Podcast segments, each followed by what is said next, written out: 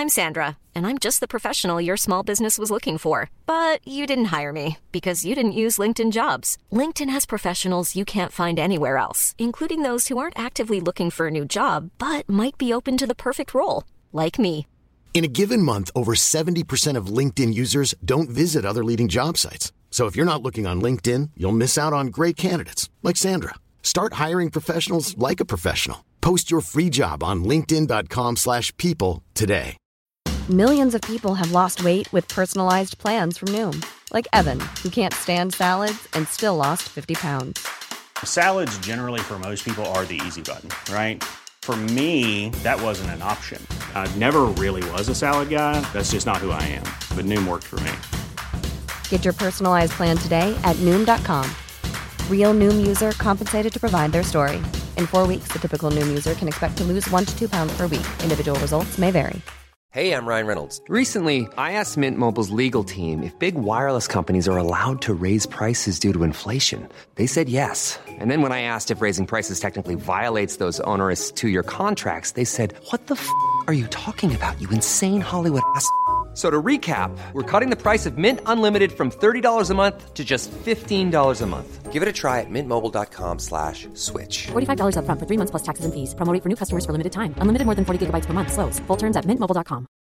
Hi, I'm Daniel, founder of Pretty Litter. Did you know cats tend to hide symptoms of sickness and pain? I learned this the hard way after losing my cat, Gingy. So I created Pretty Litter, a health monitoring litter that helps detect early signs of illness by changing colors, saving you money and potentially your cat's life. Pretty Litter is veterinarian developed, and it's the easiest way to keep tabs on your fur baby's health right at home. Go to prettylitter.com and use code ACAST for 20% off your first order and a free cat toy. Terms and conditions apply. See site for details.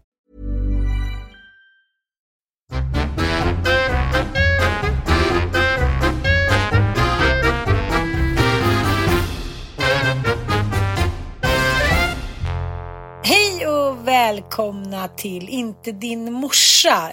Jag har märkt att det är någon ny trend nu att man ska så här, höra när, när liksom intervju, eh, intervjuoffren säga, håller på att trassla med Zoom och teknik och så här, som Martin Wiklin gör i, i P1s intervjuer på söndagar. Och det stör mig så mycket. Jag vill inte veta att folk inte får på Zoom. Jag vill inte veta att folk inte får in bild. Jag vill inte veta att ljudet är dåligt. Jag vill bara höra intervjun. Jag tycker inte det är pittoreskt. Då ger du indirekt kritik till oss själva här. Ja. Jag, jag, jag kan hålla med om att det är lite ett tjatat grepp nu när man har börjat Ja. lyssnat mycket på podd så är det så här.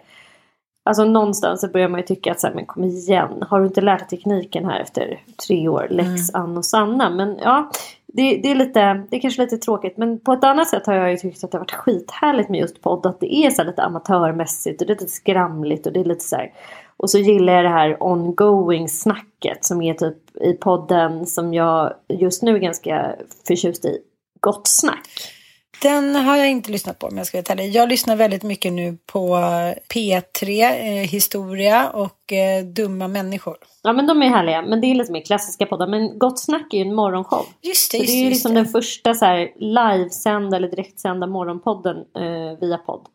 Och eh, det är lite så här P3-folk som har startat den och eh, de finansierar den med Patreon då. Eh, Det här verktyget Mm. som man kan göra för att ta betalt för poddar. Det verkar ju gå skitbra ju.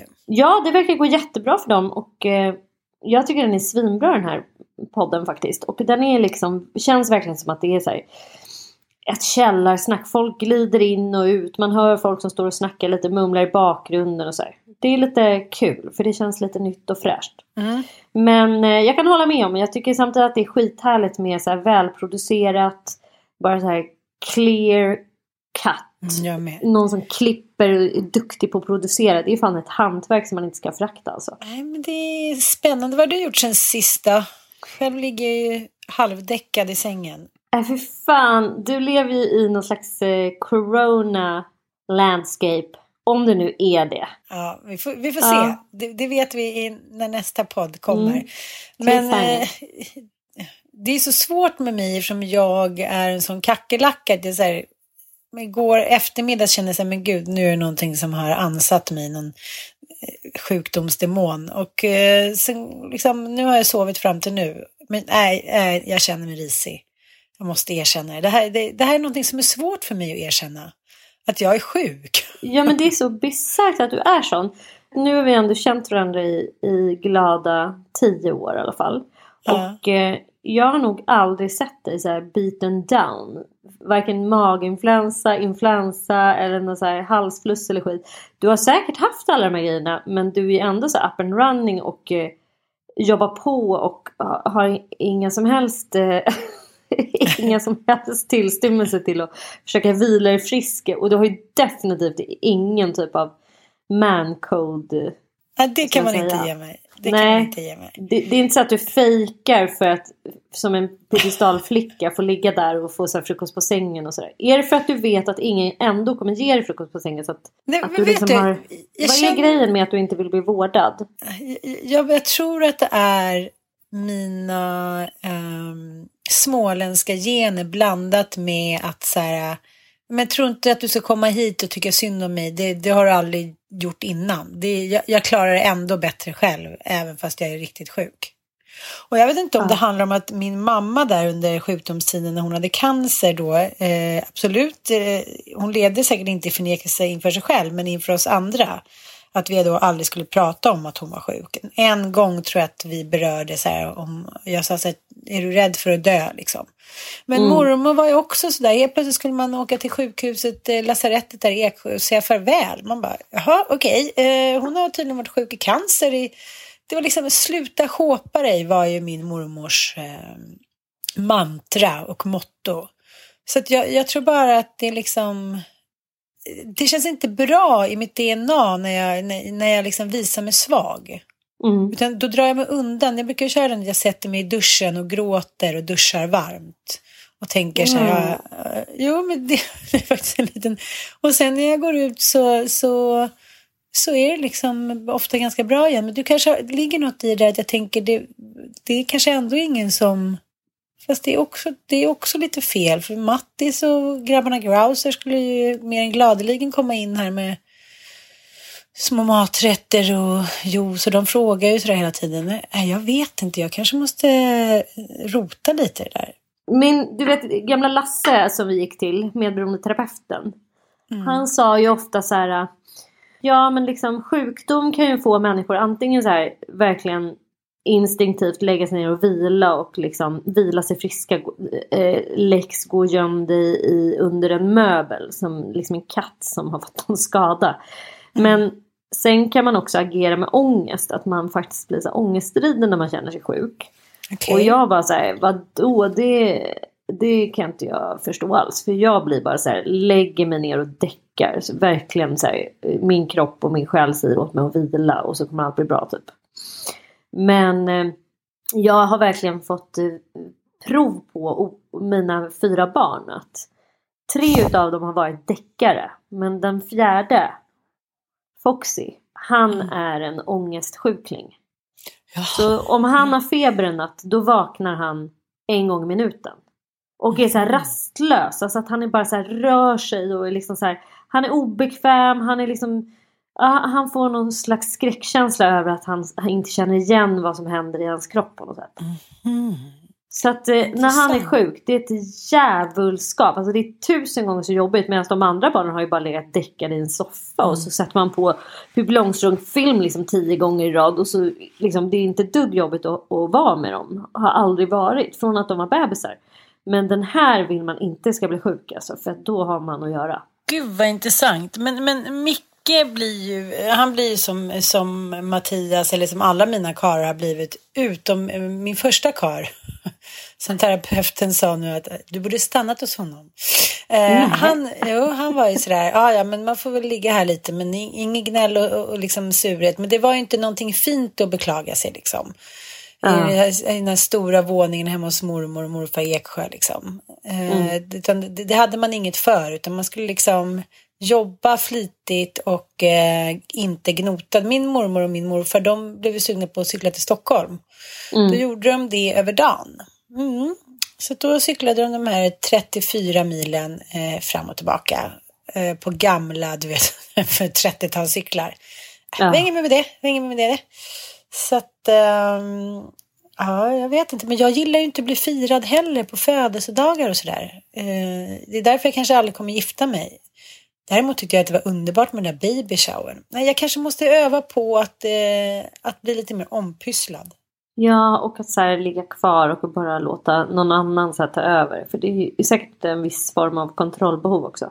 Men jag ska inte säga att jag har varit blivit världsbäst på det också. Jag känner mig lite som din mormor också. Jag är inte världsbäst på att vårda mina sjuka barn heller.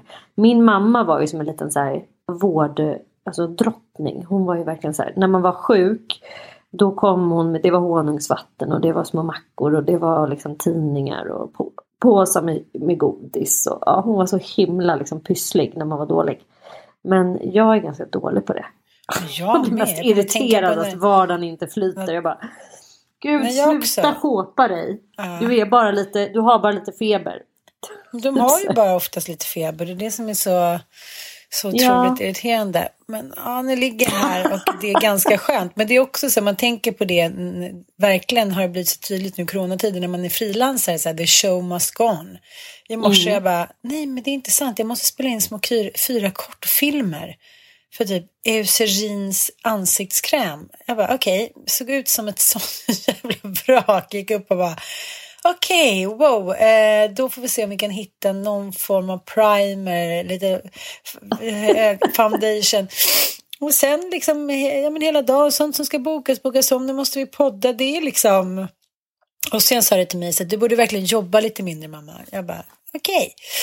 Det där stör mig så mycket när så här, tonåringarna ska säga åt en. Jag, orkar, jag försöker förklara för honom, okej, okay, men vem ska betala hyran, vem ska... Men då behöver vi inte åka till fjällen, då behöver vi inte ha någon sommarställe. Nej. Och sen så sitter jag typ en timme senare och bara, jag längtar så otroligt mycket till Gotland. Jag längtar så otroligt mycket till fjällen.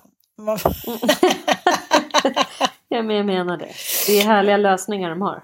Ja, underbara. Men du är ensam nu som vanligt. Eh... Jag är ensam. Jag är inne på min... Mm, vad blir det? Vecka.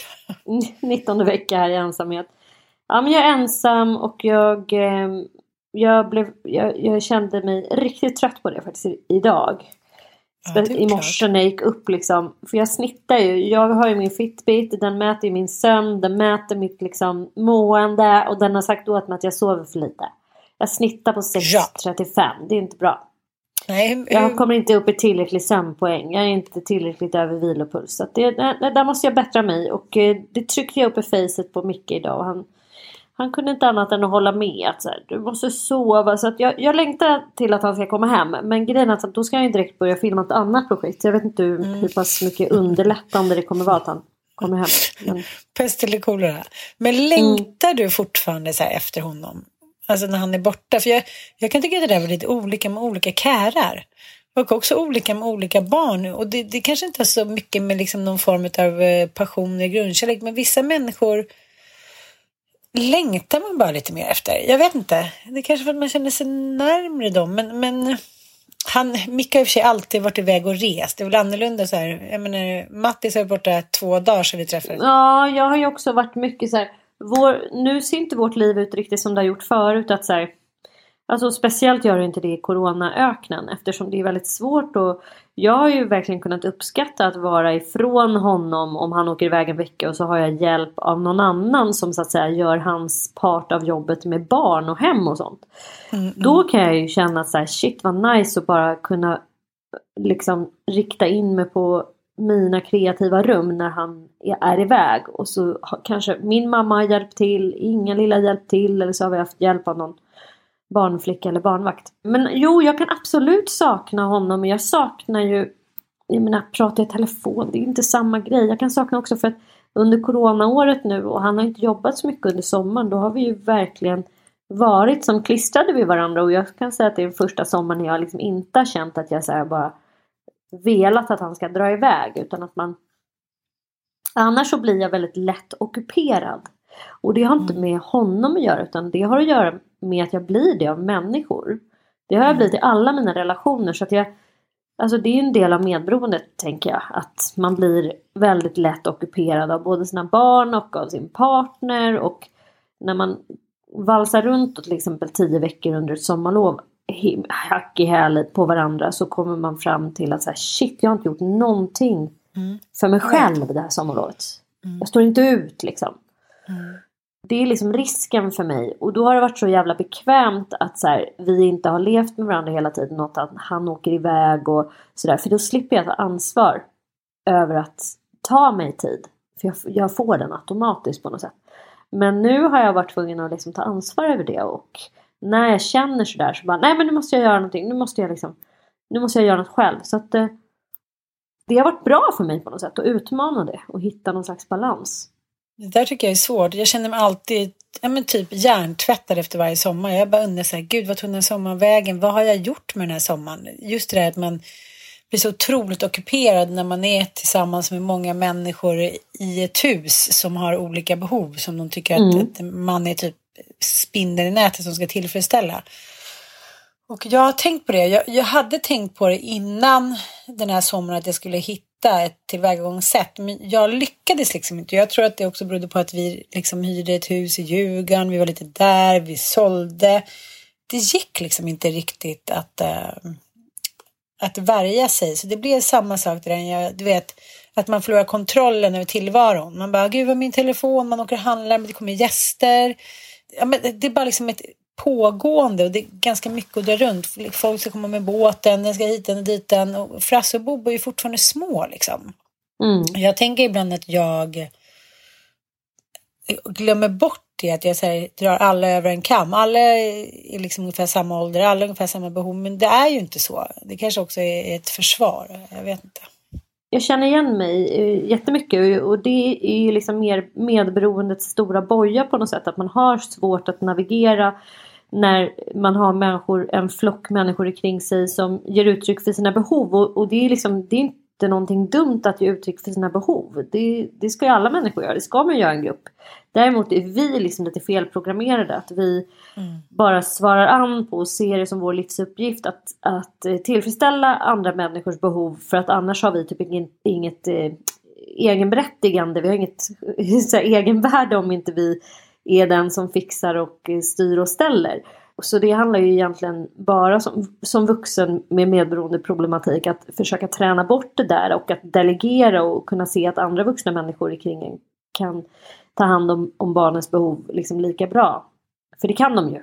Jo, jag det... vet, men det blir också väldigt dubbelt för det är inte så här, vissa människor har ju som sin livsuppgift och har också liksom uttalat det inför sig själv och andra att vara med familjen och barnen och, och kanske inte har så mycket mer behov av andra intressen eller hobbys eller påfyllning. Men där är ju inte du och jag. Vi har ju båda ett oändligt behov av samtalet, litteraturen, resandet. Eh, ja, du har ridningen, jag har lite vad som faller på.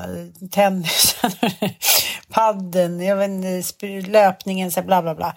Eh, så jag, jag tycker ändå att det är lite märkligt. Det är som att jag blir liksom infångad i ett så här, in tornado från i början av juni till liksom i mitten av augusti. Och mm. det, jag, jag, kan inte se att jag inte väljer själv, för jag kan också liksom välja att så här, ja men då får de gå i skolan lite längre och så väntar jag med att åka till Gotland eller jag behöver ju inte göra de här valen. Så det är liksom, jag vet inte, det känns väldigt så här, men nu går vi ju inför jul. Tycker jag att det brukar kännas likadant inför jul? Nej, men det är för att jag nog inte liksom, jag har inte samma känslor för jul. Sommaren för oss var, i vår familj när jag växte upp, var alltid Ja, men det var alltid liksom samma med mysiga känslor, eh, frihet, familj. Men julen var ju ganska ofta, särskilt de sista åren, eh, förknippat med just eh, psykisk ohälsa och alkohol och sjukdom. Så för mig är det liksom Eh, nej, det, det, det, är inte samma känsla. Jag har inget, jag har släppt det. Jag skrev ju en krönika i, jag kan ju skryta, inte skryta, jag kan göra lite reklam. Jag är en ny krönikör i Motherhood som är Allers eh, mm. sajt, nya ja. mamma-sajt. Ja. Och då skrev jag just om det här med julen att eh, när jag och Nanook, mitt ex, var ihop då kunde jag ju, eh, ja, men, när det var som sämst med oss, då, då var jag tvungen att fokusera på någonting annat. Så jag tillbringade på riktigt en månad eh, inför julen och hittade så gamla sköra julkulor. ja. I antikaffärer. Och det var så liksom otroligt, otroligt eh, viktigt för mig att det skulle vara så här rätt gran, rätt mat hit och dit. Och så var det ändå, du vet ju hur, hur eh, med mitt ex och hans mamma, så det, det har aldrig riktigt varit så här jätteviktigt med traditioner för dem. Så att det var verkligen att det var pärlor för svin åt hälften av befolkningen. Eh, så att jag vet inte, jag har, just med julen har jag faktiskt eh, lagt ner väldigt mycket. Sen tycker jag att det är mysigt. Men eh, ja, jag, vi har ju julstjärnor. Men jag, I år tänker vi så här, Mattias brorsa kommer hit och hans fru och deras barn. Så då käkar vi lite jullunch och sen kör vi bara skaldjur och bubbel. Så att det är inte så här, det behöver inte vara på ett visst sätt att jag ska se, se Kalle Anka. Så det där har jag faktiskt helt släppt. Men just nu är det ju riktigt risig Norén-stämning här hemma. Vad då då? Nej men det här motsäger lite det, det jag precis sa. Men våran gran kom ju igår från eh, Smålands gran. Mm. Och sen så är det så när jag sitter där och ska välja så tänkte jag men jag tar lite längre för det är väl ändå 3,40 tak här. Är det inte det? Jo, vad tog jag förra året? Men då tog jag, ja och så tar jag eh, den här kungsgranen och så kommer den hit och så är den liksom 40 centimeter för lång. ja, och det, ja, men det är ganska mycket. Ja, det är ganska jättemycket. För den blir lika bred som den, alltså den, den breddas ju ordentligt om man tar en, alltså det är en gigantisk jävla gran jag har beställt alltså. Ja, ja, ja.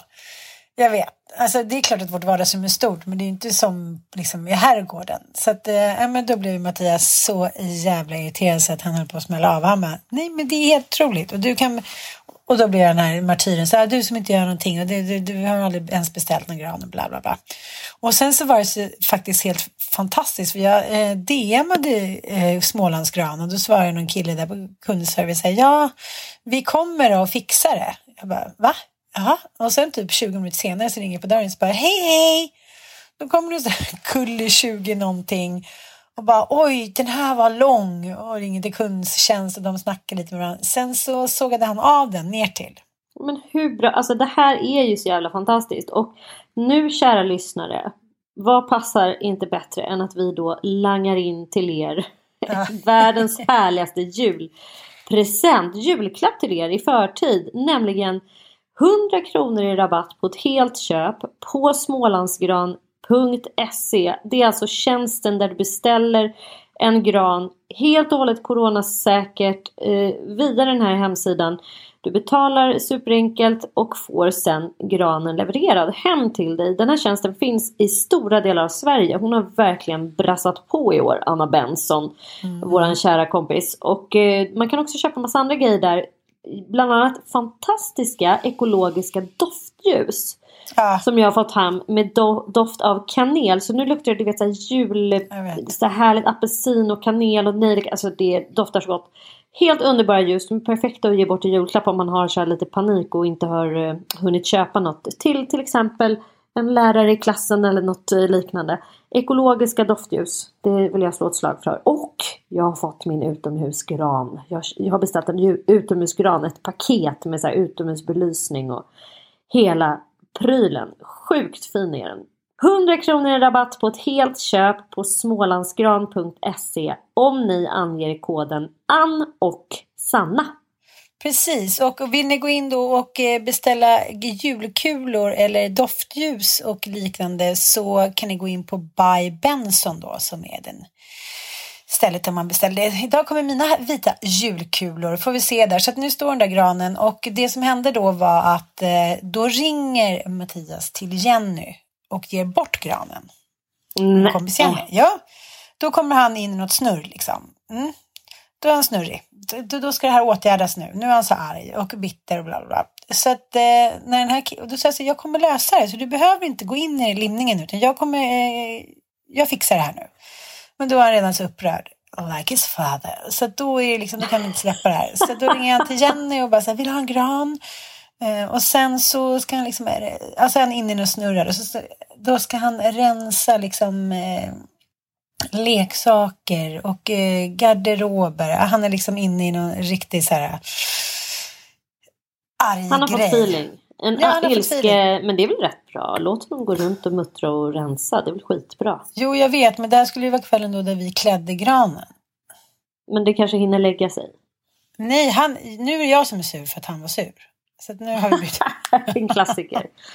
Du är dessutom sjuk så du har rätt att vara sur. Ja, men vet, Men vadå, jag- du, får håll, du får väl behålla granen? Det är jätteonödigt. Om Jenny Nej, men han, nu har ju den här gulliga killen varit här och eh, eh, stackars Svettig och Dan eh, sågat liksom eh, bort då 40 centimeter och runt om där nere. Så då, nu är den jättefin granen. Så nu ska vi klä den ikväll istället.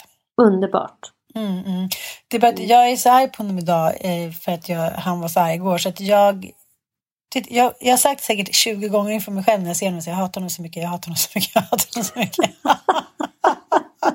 och jag känner att jag gör det också, jag hatar honom så mycket. Och, och han, är så här, han sitter där ute och bara, kan jag göra någonting? Nu är han liksom, ja du vet det klassiska spelet, nu är han lite stressad och skamsen. Mm. Mm, jag, Men det är ändå underbart tycker jag med så starka känslor. Ja, jag vet, jag vet. Jag tänker det, det kanske inte är över ändå. Nej det tror jag inte. Apropå att man saknar någon. Den dagen man slutar hata någon. Vet du vad min kompis Karin, eh, jättegullig härlig människa som har kommit med sina hästar till mitt stall. Hon berättade en sån jävla intressant sak. Jag kommer inte ihåg om, jo hon läste medicin, hon är homeopat och då läser man ju så basmedicin. Hon är hästhomeopat. Eh, och då hade hon läst, jag kommer inte ihåg om det ingick i så här basmedicin att när man gör kejsarsnitt så får man inte samma adrenalinpåslag som under en förlossning. Alltså under en Nej. vaginal förlossning. Och det gör att man har svårare att knyta an till barnet. Därför att adrenalin och så här, alltså ett visst mått av adrenalin eh, det skapar anknytning. Och då har man forskat vidare på det när det gäller liksom gruppdynamik och grupppsykologi. Att liksom konflikter skapar adrenalin, skapar olika typer av känslor som binder människor samman. Så man ska liksom inte vara rädd för konflikter. För att dels det, det adrenalin som du nu känner då att du hatar honom så mycket. Hatar Det skapar anknytning.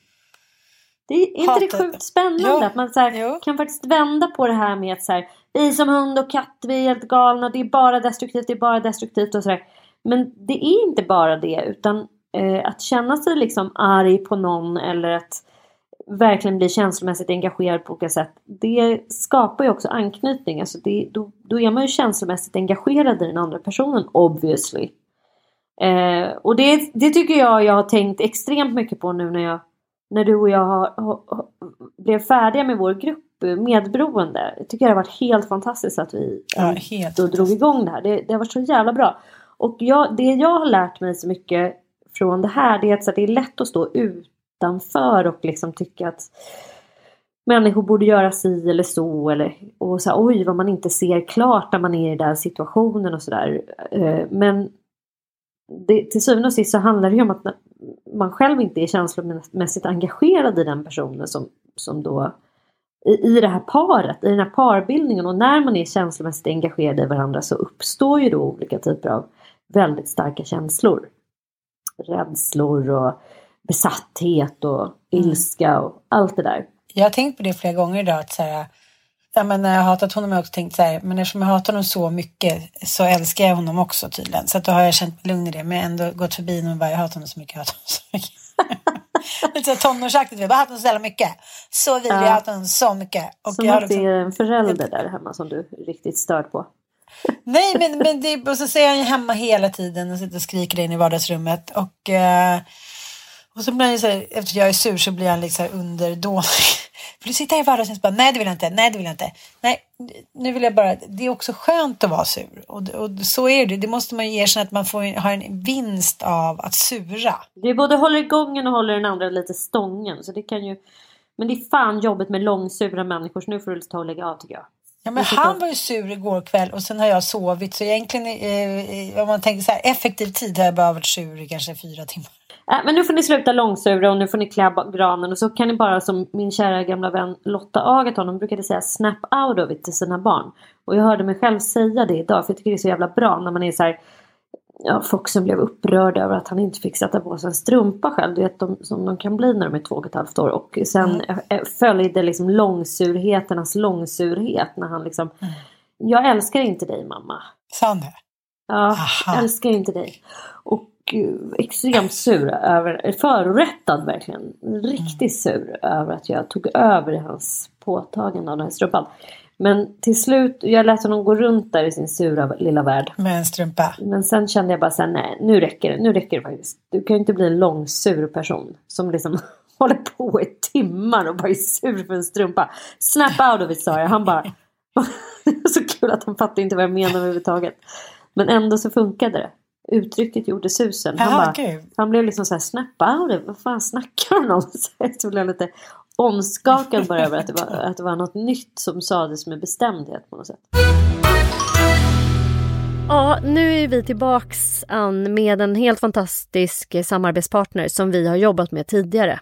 SOS Barnbyar. De har ju eh, funnits länge, sedan andra världskriget och vi har med egna ögon sett hur man kan förändra ett barns liv genom att, eh, vad ska jag säga, se till att de får en framtid att tro på. Ja, men SOS Barnbyar jobbar ju inte bara runt om i utsatta delar av världen utan de jobbar ju faktiskt med projekt här i Sverige också. Bara för att, eller bara för att, men vi lever i ett privilegierat land och kanske tar för givet att eh, alla barn kommer få uppleva en trygg jul och få vakna upp i en renbäddad säng och få presenter och kärlek och mat och omsorg. Men så är det ju inte och det måste vi hjälpas åt med att förändra. SOS Barnbyar har ju nu inför jul en kampanj som de kallar för självklarheter. Det som vi tar för självklart och det vi tycker är självklart i ett barns liv är inte det för alla barn. Som du säger, att vakna upp i en ren säng till exempel eller att få en kram när man behöver det. Om ni vill så skulle vi så himla gärna vilja att ni hjälper till och bakar pepparkakshem. En symbol för ett tryggt hem. Baka helt enkelt ett pepparkakshus, ta en bild på det och så lägger ni upp den i era sociala medier och hashtaggar pepparkakshem. Mm. Hashtag pepparkakshem. Då skänker nämligen Hemköp, som är partner till SOS Barnbyar, 50 kronor för varje hashtag. Mm. Förstår ni? Det här är ju alltså världens smartaste gåva på något sätt. Ni bakar ett pepparkakshus och eh, Hemköp skänker Visar, pengarna. visar hur fint det är. Det har jag och Sanna gjort i helgen och Med varierande Ja. skönhetsresultat. vi bakade ju så många så att vi skulle kunna hashtagga. Så att gå ut nu och sen så eh, köper ni 5 till 10 olika satser och så taggar ni alla och sen så jämför vi och ser till att eh, barnen får en större chans att få uppleva självklarheter som vi tar för självklara. God Mm. jul! Hörni, vill ni inte baka, då kan ni alltid swisha en gåva också till 900 2296. Eller så går ni in på SOS Barnbyar och eh, köper ett fint gåvobevis som ni kan ge bort i julklapp till era nära och kära. Du kan få mitt pepparkakshem. Tack. Jewelry isn't a gift you give just once. It's a way to remind your loved one of a beautiful moment every time they see it. Blue Nile can help you find the gift that says how you feel and says it beautifully with expert guidance and a wide assortment of jewelry of the highest quality at the best price. Go to BlueNile.com and experience the convenience of shopping Blue Nile, the original online jeweler since 1999. That's BlueNile.com to find the perfect jewelry gift for any occasion. BlueNile.com. Hey, it's Ryan Reynolds, and I'm here with Keith, co star of my upcoming film, If, only in theaters, May 17th. Do you want to tell people the big news? All right, I'll do it. Sign up now and you'll get unlimited for $15 a month and six months of Paramount Plus Essential Plan on us. Mintmobile.com slash switch. Upfront payment of $45 equivalent to $15 per month. Unlimited over 40 gigabytes per month. Face lower speeds. Videos at 480p. Active Mint customers by 531.24 get six months of Paramount Plus Essential Plan. Auto renews after six months. Offer ends May 31st, 2024. Separate Paramount Plus registration required. Terms and conditions apply if rated PG. One size fits all seems like a good idea for clothes until you try them on. Same goes for healthcare. That's why United Healthcare offers flexible, budget friendly coverage for medical, vision, dental, and more. Learn more at uh1.com. Many of us have those stubborn pounds that seem impossible to lose, no matter how good we eat or how hard we work out. My solution is PlushCare. PlushCare is a leading telehealth provider with doctors who are there for you day and night to partner with you in your weight loss journey. They can prescribe FDA-approved weight loss medications like Wagovi and Zepbound for those who qualify. Plus, they accept most insurance plans. To get started, visit plushcare.com slash weight loss. That's plushcare.com slash weight loss. Men du, från vår va- vardagsbetraktelser av liksom sammelsurium av medberoende och jul och coronaöken och hela skiten. Kan vi ägna oss lite grann åt Fredrik Federleys Det kan vi göra. öden och äventyr istället? Det kan vi göra. Jag dör. Alltså jag, jag kan bara inte stå ut med. Vi har ju varit inne på det många gånger här i podden. Det är ju någonting som obviously fascinerar oss väldigt mycket. Människor som lever dubbelliv. Mm. Alltså och det här verkar ju vara en sån här mänsklig jävla eh, fascination eh, eftersom väldigt många, gärna så högt uppsatta politiker som, som har ögonen på sig, samhällsansvar och står inför liksom eh, så stora skeenden. Vad är han? Han är gruppordförande för Centerpartiet. Han ligger liksom ganska bra till för att bli Centerpartiets partiord, alltså ordförande att faktiskt bli partiledare en dag och så gör han detta. För er då kära lyssnare som inte har hängt med i nyhetsflödet senaste eh, eller förra veckan och, och senaste dagarna. Det är alltså att Fredrik Federley har varit sambo. Det här är också så här, jag, jag tycker det är så illa skött av honom för att han är ju en väldigt öppenspråkig person. Han är väldigt öppen med att dela med sig av sitt liv på sociala medier och, och sådär. Men helt plötsligt så är det som att man bara inte riktigt vet. Han har alltså varit sambo, han bor och är skriven på en gård i Dalarna. Där han sen i januari 2020 har varit sambo med en man som är i övre 40-årsåldern. Och nu har då några journalister grävt fram att den här mannen har suttit inne för grov våldtäkt av barn vid 22 tillfällen. 22 tillfällen och det är inte för 100 år sedan, det är 2013 och 2014. Mm, och det här är alltså ett syskonpar, det är hans eh, före detta sambos eh, döttrar det här ska handla om. Och han har då avtjänat ett nioårigt fängelsestraff alltså, är... för de här våldtäkterna. Och han har kommit ut då i det fria och eh, på något sätt eh, träffat Fredrik Federley som har tagit honom under sina vingar. Eh, alternativt blivit ihop med honom. Det vet vi inte för det har inte Fredrik Federley förtäljt. Det han i alla fall gick ut offentligt med det är väldigt fåordiga konstiga ursäkter där han behöver ta en paus för att han är liksom på botten av en väldigt jobbigt skeende med närstående och allt han har gjort är sant så han liksom tar inte avstånd från det här. Men det är också oklart om han visste om att den här mannen hade suttit i fängelse för de här fruktansvärda brotten. Eller om det här skulle ha gått upp för honom nu. Eh, vilket jag har väldigt svårt att tro. Då hade han ju skrivit det. Han borde ha skrivit det att jag hade ingen aning om det här. Men det, det måste han ju ha haft. Han måste ju ha vetat om det här. Och det är det som är så otroligt konstigt eh, behandlat av honom nu. För att antingen så har ju Fredrik Federley bestämt sig för att ge den här mannen en andra chans. Ja. På något sätt. Det är väl en hyfsat kristen handling skulle man väl kunna säga. Att så här, eh, försöka få en människa liksom tillbaks till livet igen. Även fast man har begått ett helt fruktansvärt eh, bestialiskt brott så kanske man tycker att alla människor förtjänar förlåtelse och en andra chans. I don't know. Men då får man väl vara öppen med det tänker jag. Att Fredrik Federley får tala om det för oss eh, och för alla de som då eventuellt har röstat på honom. Att så här, det här är mitt beslut kring hur jag ser på människor och hur jag ser på etik och moral och sådär. Men det har jag inte sagt heller. Jag, jag förstår inte riktigt mig på hela den här situationen faktiskt. Vad tänker du kring det? Nej men så här är det, han, enligt media då så har han fått reda på det här i september. Mm. Och han skriver på Facebook, det brott han har begått är rakt igenom fruktansvärda, obeskrivliga, helt oförlåtliga. Vi har nu gått skilda vägar, skriver Federley i en kommentar på Facebook förra veckan. Så att eh, jag vet inte, antingen så har han väl precis som du sa försökt eh, fokusera på att eh, liksom förlåta den här mannen och tänkt att de ändå ska försöka liksom, fortsätta sin, eh, ja, sin relation och tänkt att så här, hoppas ingen får reda på det här. Ja, partiet fick reda på det då i förra veckan och då var det ju ohållbart längre. Så det, han, han skriver ju inte att han inte har vetat om det. Han skriver ju bara att han har fått reda på det. Men, men eh, ja, han, han har ju bett om ursäkt och han är nu sjukskriven och får hjälp eh, av en psykolog och sådär.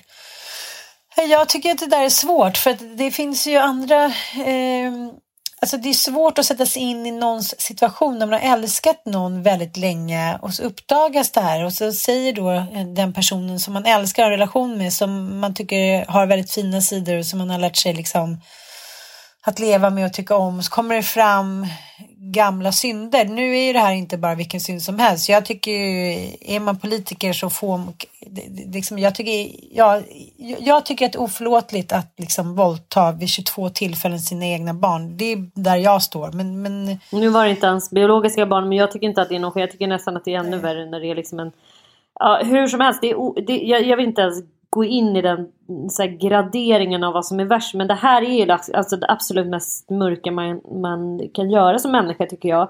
Och jag har väldigt svårt att tro att Fredrik Federley inte visste om det här. Eh, alltså jag har väldigt svårt att tro det. För att varför kommer det här fram nu helt plötsligt när någon annan gräver fram det? Ja, ja. Eh, det är ju lite grann som det här med Catenacci-skandalen. Att så här, som att folk inte har vetat om att han har hållit på så här skitlänge. Men helt plötsligt ska man ta avstånd från honom. Så, så, jag, så jag, jag, känner, jag, jag, tycker det känns lite grann som att Fredrik Federley eh, liksom så här, oj, han, han dumpar den här snubben och tar avstånd ifrån det nu när han så att säga ja, riskerar att precis. åka på pottan. Men fram tills dags dato så har han ju liksom eh, både riskerat, han har ju dessutom en dotter själv så han riskerar ju liksom att, att ha en dömd pedofil eh, boende hos sig eh, när man har egna barn i liksom samma ålder som de här pedofilerna har eh, våldtagit barn i samma... Alltså jag tycker det är så obegripligt. Det är helt obegripligt.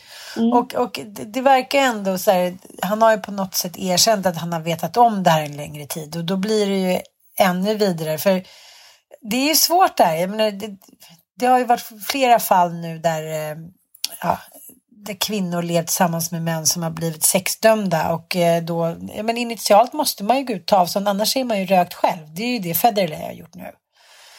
Men eh, ja, det, liksom, det handlar ju också väldigt mycket om medberoende och liknande. Nu har jag hört om en, ja, en man då som blev dömd för våldtäkt här för några år sedan och hans fru ja, lämnade honom. Men nu verkar hon ha tagit tillbaka honom och eh, ja Nej, så att så här, jag tycker att eh, ja, men, har man levt med någon under lång tid som, som, och det kommer fram jag menar, tidigare brott så förstår jag att det är svårare än om man liksom träffar någon och så gör partnern det under tiden man är tillsammans. Men sen är det så här, om man, om man har valt ett liv som politiker eller om man valt ett liv, liv som medmänniska så är ju det här jag, tycker, jag, jag anser att de här människornas eh, att de, de, de ska inte ha några relationer överhuvudtaget, så känner jag. Men så kan man kanske inte säga. jo, det kan man väl få tycka rent privat. Men alltså jo, jag, framförallt så Nej men väljer ett liv som politiker så har man ju en så pass stor offentlig, ett så stort offentligt ansvar att man måste tåla granskning. Så är det ju. Så både för ens egen skull, om man nu väljer att göra vissa då fadäser eller kanske sånt som andra människor anser vara omoraliskt, till exempel leva med en eh, dömd sexualbrottsling, eh, eller inte bara sexualbrottsling utan faktiskt pedofil. Då måste man ju resonera kring det och bestämma sig för hur man ska agera utåt. Så jag tänker mer ur ett så här, jag tycker att eh, det är misskött rent, eh, alltså han har inte direkt gjort läxan i mediehantering. Tycker jag. Nej. Det här kommer fram och han så här, för det första så gör han sig själv till ett offer. Så här, ja, men jag, jag, jag måste ta en paus från politiken för att jag känner mig krossad. Ja, liksom jag måste läka. Man bara, ja, jag måste läka. Man bara, de enda som måste läka, alltså, varför ska, för, så här, de som måste läka är väl ändå den här dömda sexualbrottslingens då offer, tänker jag. Fredrik Federley är väl faktiskt, han är eventuellt offer för en lögn. Ja. Eh, och jag menar, han borde ju, alltså jag, jag tror inte på det här. För jag tänker att Fredrik Federley har människor kring sig. När man är sådär högt uppsatt politiker då gör man research. Då kollar man upp tilltänkta partners. Det är klart att de har någon mediastrateg som har liksom koll på vem den här personen är och så hoppas man att det här inte ska komma ut. Alltså det, ja, annars är det ju bara för korkat. Det är väl klart att man måste kolla upp då eh, nya partners och dylikt för att se att de inte har skelett i garderoben. Ja. Som skulle kunna skada partiet. Alltså det, det kan ju inte vara så, så naivt att man bara tänker att så här, Det slår vi fast. Nej men... Eller? Ja, vi gör det bara. Jag tycker det är lite korkat i så fall. Ja, Naivt godtroget. Men jag tänker också så här oss hur barn beter sig när de blir påkomna. Så här, nej, nej. Mm. De kan liksom vidhålla så länge att de inte har tagit den där godisen. Och vi var på en middag, middag i lördags så kommer en av deras unga ut och säger så här. Eh, Frasse har slagit sönder min padda. Han kastar den i golvet. Vi bara, jaha, okej. Okay. Ja, ja, men det var ju jättedumt Frasse. Varför gjorde du det? Han bara, nej, det var inte jag. Det var Bobo och sen satte det igång liksom. Eh, men vi satt ju där på middag och det blev inte så mycket mer med det. Men nu har ju det här fortsatt att det så här, de håller på att skylla på varandra och Bobo sitter så här, ser ut som en uh, dumstrut och bara, det var inte jag, det var Frasse. Eller det var Julian. Eller det var... så det är liksom, ja. jag känner lite samma mentalitet, att man tror att det ska falla i glömska bara man så här låtsas som att det... Skyller ifrån sig, låtsas som att det ja, ja. gick till på något sätt. Men det här känns ändå som att det här är stort och det här är någonting som, som inte... Det, kommer bli, det är svårt, det är irreparabelt, irreparabelt ja. för eh, Fredrik Federley tror jag. Precis. Eh, han hade ju faktiskt folkets kärlek. Han var ju väldigt älskad politiker just för att han, han tog ett grepp om, om liksom hbtq-frågor. Mm. Han förnyade Centerpartiet liksom och hade någon slags här, lite storstadskänsla på Centerpartiet som kändes fräscht. Mm. Nu känns det inte alls fräscht längre på något endaste litet sätt. Nej, nu, nu är fräschören mm. borttagen. Nu vill jag eh, ta upp då en liten, ja, en liten, eh, gud nu kan jag inte ens prata längre. Spaning. En liten spaning, hur febern som antassar mig. eh, vi måste ändå ta upp det här med Jennifer Lopez kropp. Berätta, vad fan är grejen här? Nej men grejen är att Jennifer Lopez ska ju släppa eh, sin nya skiva då. Mm. Och då eh, några dagar innan så eh, lägger hon ut på sin Instagram omslaget och där var hon naken. Mm. Och jag vet inte hur du kände inför det. Jag eh, blev inte så superengagerad. Jag, eh, jag tänkte så här, där är Jennifer Lopez. Hon är naken. Det är klart hon är. Vilken snygg kropp. Eh, så där snygg kropp har inte jag. Och sen så var det någon unge som skrek eller hitan och ditan. Men nu har det här blivit en debatt och Ulrika Jonsson, eh, svensk eh, programledare. Hon som var ihop med Svennis va? Precis, hon var ihop med Svennis under buller och bång och hon var ju programledare. Jag vet inte om hon är det längre. Hon var, hon var ju liksom skandalomsusad svensk programledare som hade någon otrohetsaffär med Svennis och så hon avverkat en radda massa män och har massa barn. Och, och så alltså, ja. ja. Och hon då har skrivit en text i The Sun som är liksom en liten skvallertabloid kan man väl ändå säga i, i England. Och om man då här med Jennifer Lopez kropp, hur problematiskt det här är då. Och eh, hon menar då att, att liksom, hon har ändå kämpat på nu och eh, får, försökt få tillbaka lite kroppssjälvförtroende och så ser hon Jennifer Lopez då och eh, den här perfektionen och då känner hon, hon skriver att hon känner hur en nål sticker hål på den lilla självkänsla som hon lyckats skrapa upp från golvet. Mitt hjärta stannade och undrade om det var värt att slå igen. Färligt talat, vad är poängen med att fortsätta? Och så eh, pratar hon om att hon då eh, tänker på sina två unga döttrar eh, och de tycker då att det här är komplicerat och hit och dit.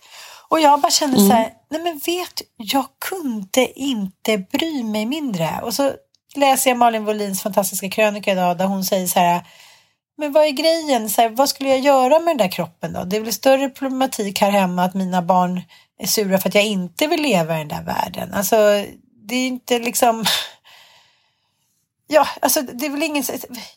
Jag vet inte. Jag, eh, jag känner inte att man måste reagera på det här. Måste man reagera på att hon är 51 år? enda hon gör är att spruta sig full, gör olika behandlingar och tränar. Det skulle vem som helst. Det skulle du och jag och eh, Lina Eriksson och Babben Larsson. Vi skulle alla kunna se ut så där om vi jobbade med att se ut så där. Ja, alltså det man kan problematisera. Det väl, jag tänker väl att så här, Jennifer Lopez, hon är väl bara hon är väl bara ett exempel för vår tid och att så här, sälj grejer med tjejprylen och framförallt så här, sälja musik med, med snygg tjej. Hon, hon är ju verkligen så här, en hon, hon, var ju en av de första som verkligen gick i bräschen för det. Det var så här, hon Det började ju med Madonna och sen eh, gick det ju vidare liksom med alla som kom efter henne, så jättestora världsartister som i, körde på sex appeal som främsta vapen eh, snarare än skönsång om man säger så. Alltså det, det får man alltså stoppa in. Jennifer Lopez har ju inte liksom någon överjordiskt vacker röst. Det är ingen Carola-röst. Nej, hon har, hon har väl liksom aldrig heller, alltså jämför henne med Whitney Houston till exempel. Liksom, som inte behöver samma liksom ålande sexdanser för att eh, bli lyssnad på så att säga. Men det var ju allt det här med MTV-eran och när det var precis lika viktigt hur man dansade, hur man såg ut, hur man exponerade sin extremt då sexy body. Eh, och lyckades sälja skivor med hjälp av det. Och eh, när hon då är 51 år, inte sjunger hon bättre än hon gjorde när hon var yngre liksom. Och hon har ju aldrig varit någon gudabenådad eh, skådespelare heller utan hen, grejen har ju varit att hon är, har en het kropp då. För hon är ju liksom inte modellvacker heller eller så klassiskt vacker utan hon, hon är ju så kurvig och sexig. Verkligen liksom sexig. Det är hennes claim to fame, att ha en snygg kropp. Precis som att säga... Ja, hon är kläm... ja precis. Och, och, och, som du säger, har man då så här 25 miljoner miljarder på banken och kan ägna sig åt att forma sin kropp på eh, alla tänkbara möjliga sätt och vis för att kunna få vara kvar i rampljuset med sexiness som främsta vapen ett tag till så gör man väl det. Titta på Madonna också. Hon vägrar ju släppa Madame X-prylen att hon är någon jävla dominatrixa och sexy babe liksom. Hon, hon, kan bara inte släppa taget om det. Det är en alldeles för stark kraft och hon har haft för alldeles för stora vinster av det. Så hon är liksom hög på hela den grejen. För jag tror verkligen att Madonna har tillräckligt med både självbevarelsedrift, smartness, intelligens och alltså definitivt självbestämmande. För att kunna bestämma sig för att ha, ha en annan approach eller för att välja en annan att signalera ut någonting annat än sex. Mm, mm. Men ändå väljer hon nej, inte nej, det. Nej. Utan hon vill fortsätta sexualisera sig ja, själv. Det vill hon. Det är... Och det vill ju Jennifer Lopez också göra. Och jag menar, ja, och sen finns, finns det ju massor med andra kvinnor som med ålderns rätt eh, minskar ner på sexualiserandet av sig själv och istället blir liksom subjekt. Jo men alltså jag kan ska, har vi några exempel på det tycker jag som har varit så här? Jo men jag ty tycker till exempel att, eh, vad heter hon? Eh, Danska författare. Meryl ja. Streep, men hon har väl aldrig varit, nej men vad heter hon? Eh, du vet hon som hade make-up, eller vad heter det, var, höll på att vara så aerobics instruktör. Uh. Och feministisk förkämpe. Ja, Jane Fonda.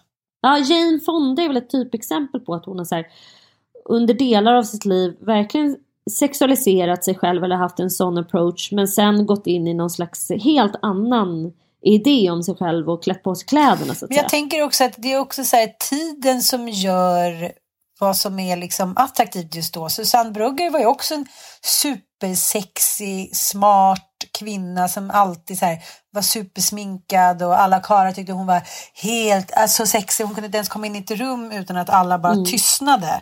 Men, men, jag tänker så här, det, det handlar väl alltid om att, eh, det här vi pratar om ofta att om, om man känner att man till exempel har dålig självkänsla, om man tänker att man inte har någonting annat att komma med, så har man en sak att komma med. Det är det som är så svårt för kvinnor som är vackra, att då, då det börjar falna.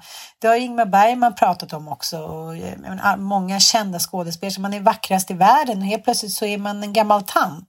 Och nu behöver man inte bli en gammal tant längre, för man kan liksom eh, vara evigt ung, även fast man typ ändå måste coola, så kan man se ut så här fram till man är 70 år som Jennifer Lopez och sen tycker jag ju inte att Madonna har, har eh, riktigt lyckats.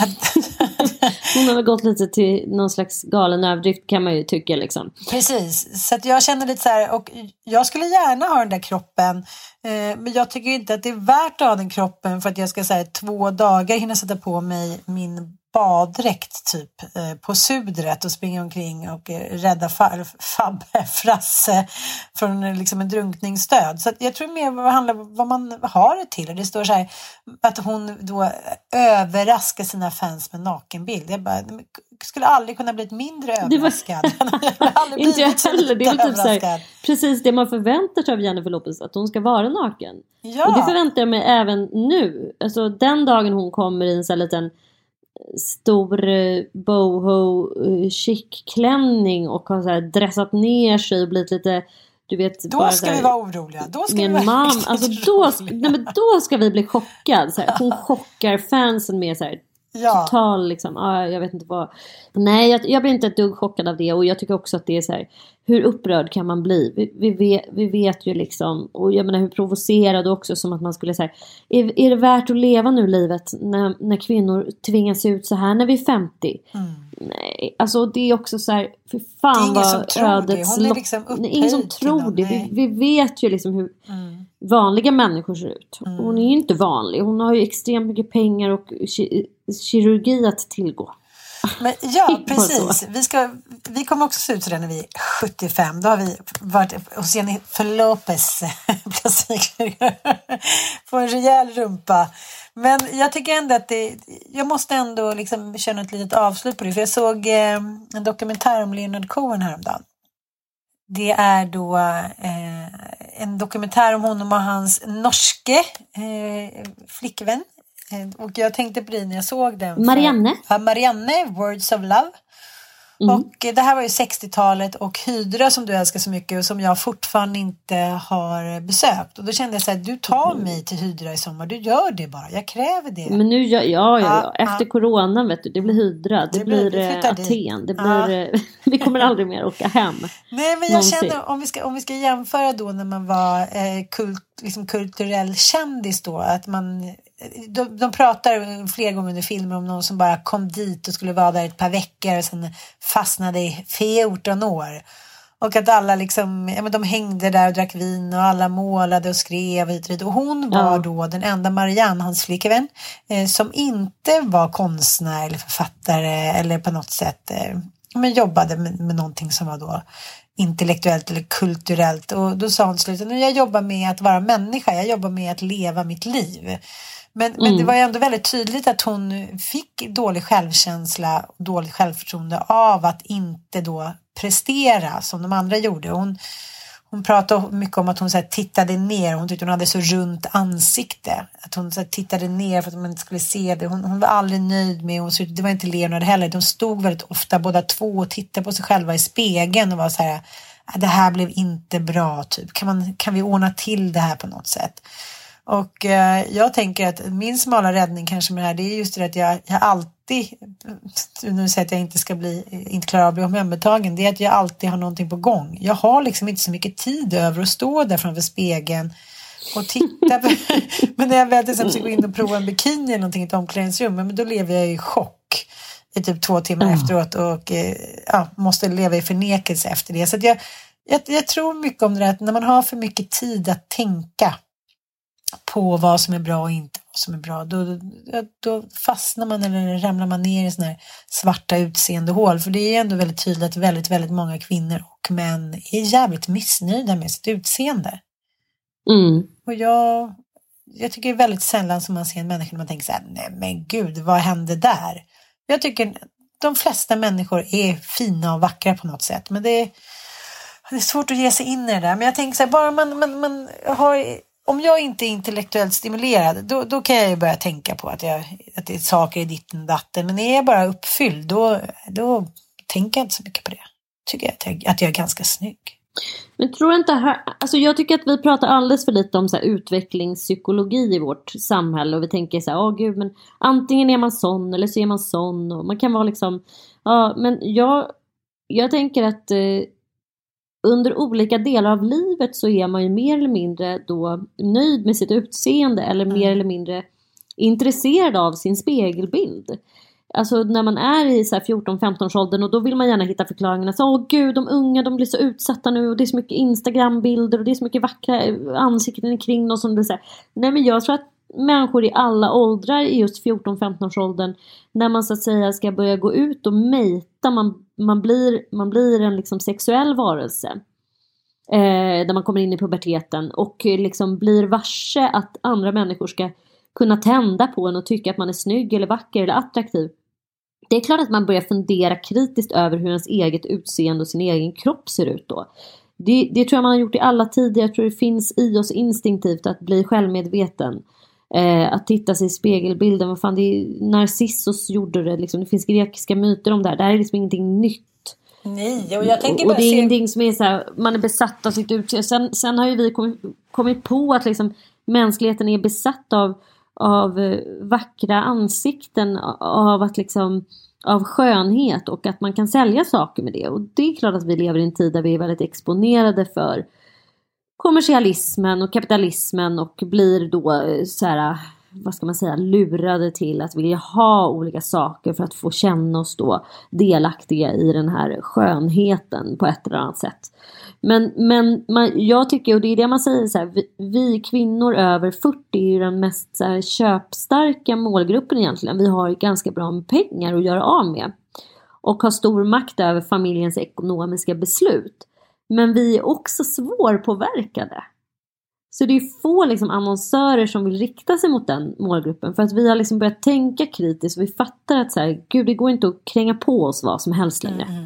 Vi blir inte lurade av den där lilla sminkförpackningen eller den där så här, trosan som ska dra in magen. Vi är bara såhär, I don't give a fuck. Jag låter min mage vara för nu är jag liksom jag är över 40 och hyfsat nöjd med mig själv. Nu finns det hyfsat. maskiner. ja, men kan det ligga något i det? Jag tror det. Ja, det kan det verkligen ligga något i. Men jag, jag märker bara, som du säger, man har ju olika utvecklingsstadier. Kolla bara Bobo nu. Nu är jag plötsligt, han är inte nöjd med sitt namn, han är inte nöjd med sitt hår.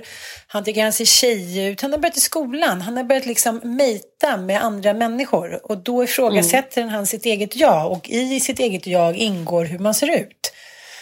Så det, är liksom... det är frisyr och det är sen när man är mm. sexårsåldern, det är verkligen en kritisk ålder för då blir ja. man varse sig själv i förhållande till andra och man tycker ofta att man har jag kommer ihåg Lo tyckte också, han, han tyckte verkligen inte om sitt namn och då ville han heta något vanligt. Han bara, gud varför har du döpt mig till det här konstiga? Kan jag få byta namn? Snälla, snälla, snälla. Och nu tycker han ju att han har ett fantastiskt namn för att han är liksom lite speciell. Mm, mm. Nej men så att det, det, det, man behöver inte vara så rädd för att man under delar av sitt liv känner sig kritisk till sitt utseende eller till sig själv. Det behöver inte betyda att man lider av kronisk dålig självkänsla och alltid kommer göra det. För rätt var, jag tycker i alla fall att min självkänsla verkligen har pendlat och jag tror inte att det har så jäkla mycket med varken uppväxtförhållanden eller eh, terapi eller att jag liksom har haft goda relationer kring mig. Såklart har det påverkat men det handlar väldigt mycket också om, tror jag, bara naturliga svängningar i eh, utvecklingen och i att man kommer upp på olika stadier av eh, självmedvetenhet. Och precis i början av en sån där utvecklingskurva så är man eh, ganska lost in space alltså och jävligt skör. Det tror jag med. Du älskling, mm. vi ska runda av här för vi, ja. vi lovade ju varandra att vi ska inte hålla på och podda längre än en timme och folk orkar inte höra oss tjafsa längre. vi får ta det privat. Vi får ta det privat. Nu stänger vi av den här maskinen och sen så får vi fortsätta chitchatta privat. Vi kan inte hålla på. Och jag vill ändå ge en eloge till J.Lo. Bra att du hittade ett sätt att fortsätta vara känd och ha råd med den där stora poolen. You go girl. Go girl. Ja. Hej då! Hej då! Puss och kram.